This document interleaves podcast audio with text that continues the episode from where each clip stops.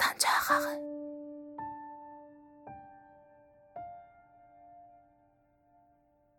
Anlaşılmaz.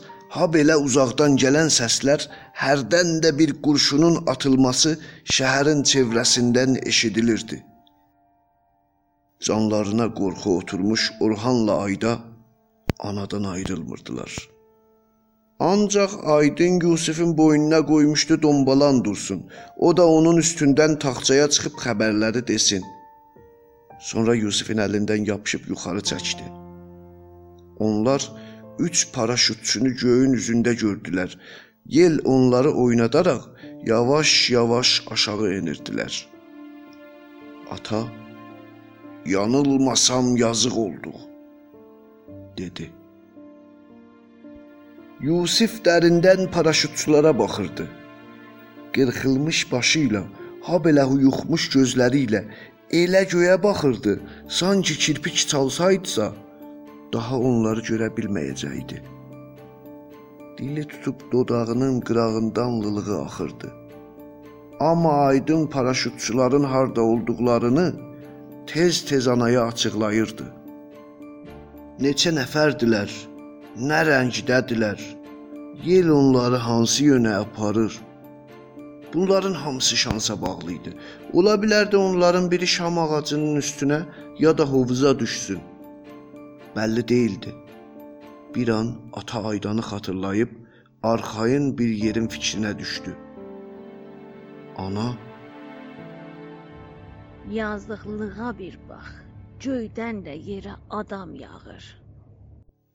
Dedi. Aydın nə olar yağanda, çox da gözəldir, dedi.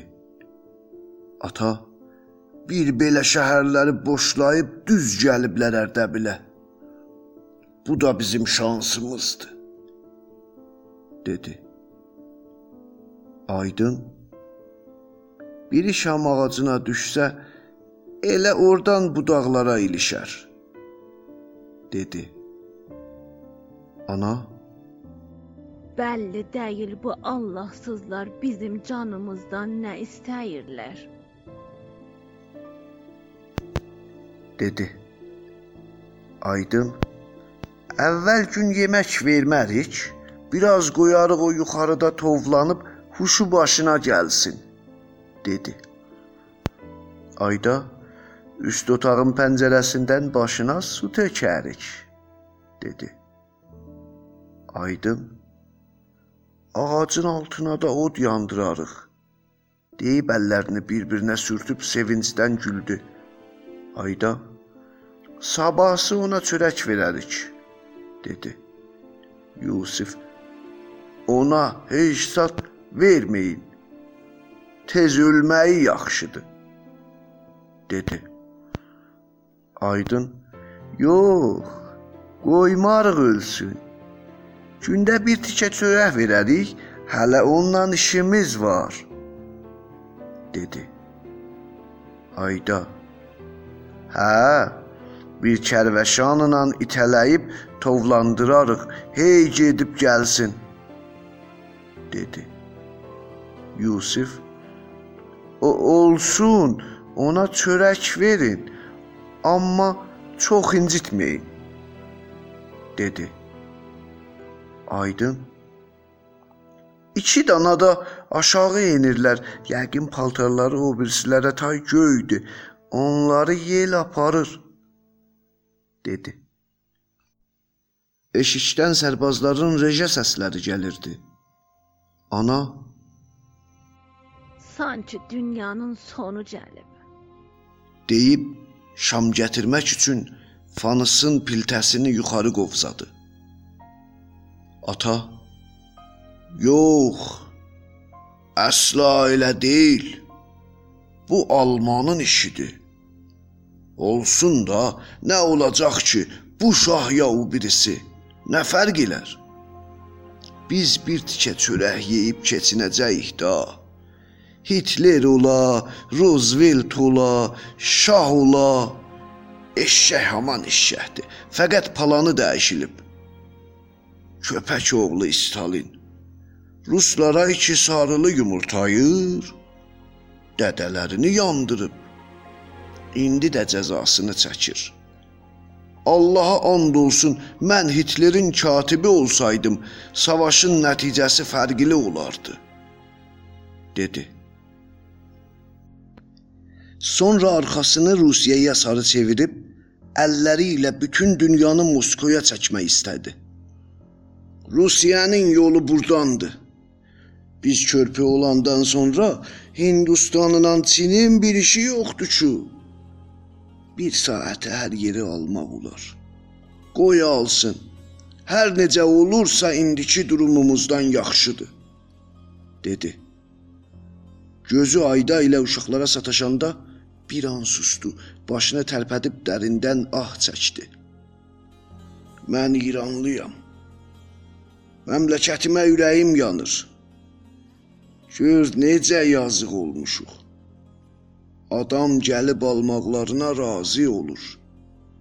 Bəlkə bu qara gündən qurtulduq, dedi. Sonra qurşun səsi ucaldı. Aydın pəncərədən aşağı atıldı. Evdən eşiyə getmək istədiyində ata ona iki cana sinər şapalaq çəkdi. O gecə ailə üzvlərinin hamısı paraşütçülərin yuxusunu gördü. Hər kimsə yaşıl bir paraşütdan aslanmış, göydən yerə enir. Özünü boşlamış, tovlanaraq sanki adamın ürəyi qıj gedir ya da dağ zirvəsindən başı üstə dəriyə tullanır. O gecə ata 4 kərə yuxudan atıldı. Bir qurtum su içdi. Hər dönədə ikindi ilə şam namazı qıldı. Sonunda da sübh namazı qəza oldu. Paraşütçülərin yuxusu hamını bezdirmişdi. Elə ona görə tez-tez yuxudan atılıb bir qurtum su içib yuxunun dalısını görmək üçün yenə də yatırdılar. Dastancağı. Sabahı gün vuruşma hələ də sürürdü. Ata tükana gedə bilmədi. Evdə qalıb deyindi. Bir yöndən hövsələsini işsizlik aparmışdı, başqa yöndən də ürəyi çırpınırdı, bahana tuturdu. İki kərə aydanın qulağını vurdu. Özü demişkən Yusifin qulağına iki cana sinər şapalaq çəkdi. Üç dönədə qayışla aydının canına düşdü. Dörd uşaqla başara bilmirəm. Bu dəli alçaq dünyanı nəcürəsi dolandırmaq istəyir, dedi. Ana, İndi nə etməliyik? deyə soruşdu. Ata, məmləkətimizi poxa çəkiblər. Nə xəbər, nə radio, adam haranın daşını başına salsın dedi. Uçaqlar yenə də yürüş edib bölük-bölük paraşütçülər endirirdilər. Ata pəncərədən baxdı.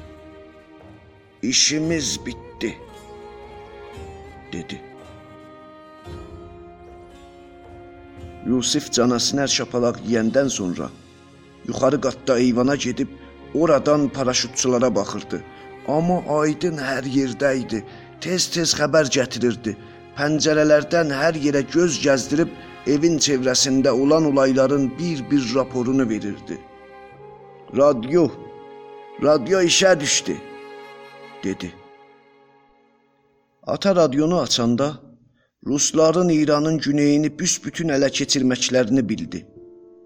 Bir baş acil satanlar kərvansarasına gedib dükanına bir başqa qıfıl vurdu.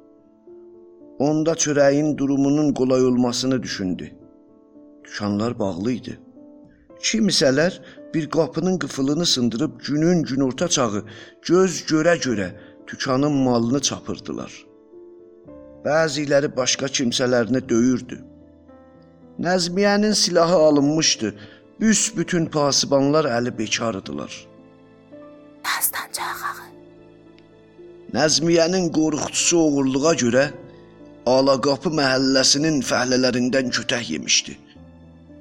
Bu qarışıqlıqda ata səhərdən axşama, gecədən səhərə kimi çörək sırasında durmağını anladı. Lut şəhəri olmuşdu.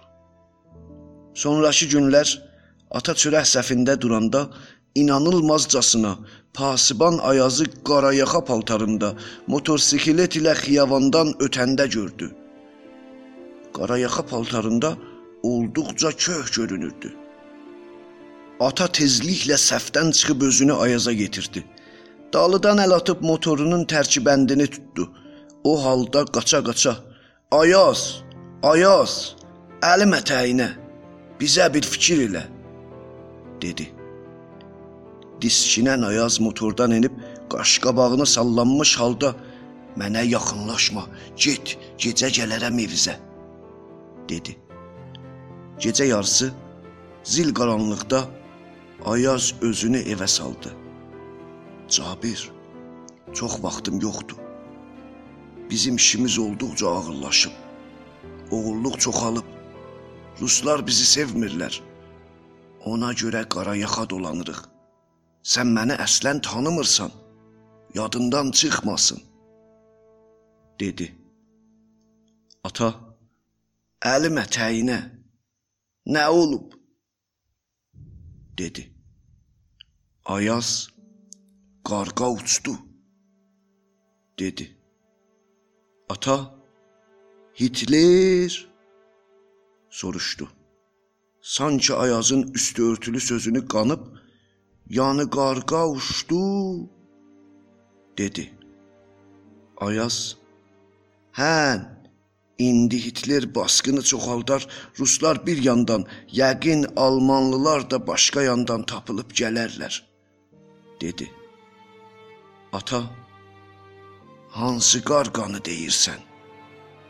dedi. Aydın, şah qaçdı, dedi. Pillələrin barmaqlığından əyilib qaranlıqda ata ilə Ayazı güdürdü. Ata, qoduq orada nə iş görürsən? dedi. Ayaz güldü. Gülməkdən keçindi. Sözünü de, dedi. Ata, çörək, dedi. Ayaz, gündə dörd dana yetər, dedi.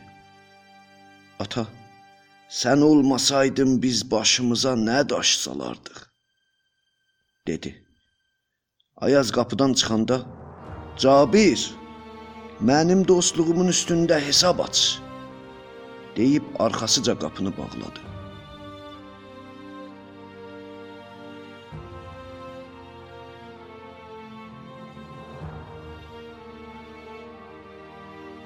Ölülər Senfoniyası. 1-ci çap. Yazar Abbas Marufi. Çevirən Əhəd Fərəhməndi Düzənləyən Əli Salmanzadə Səsləndirənlər: Ağa Cabir Purbagiri, xanım Elnarə. Hər zamanki kimi bizimlə olun. Bizim axağımızın adresi Dastanca D A S T A N C A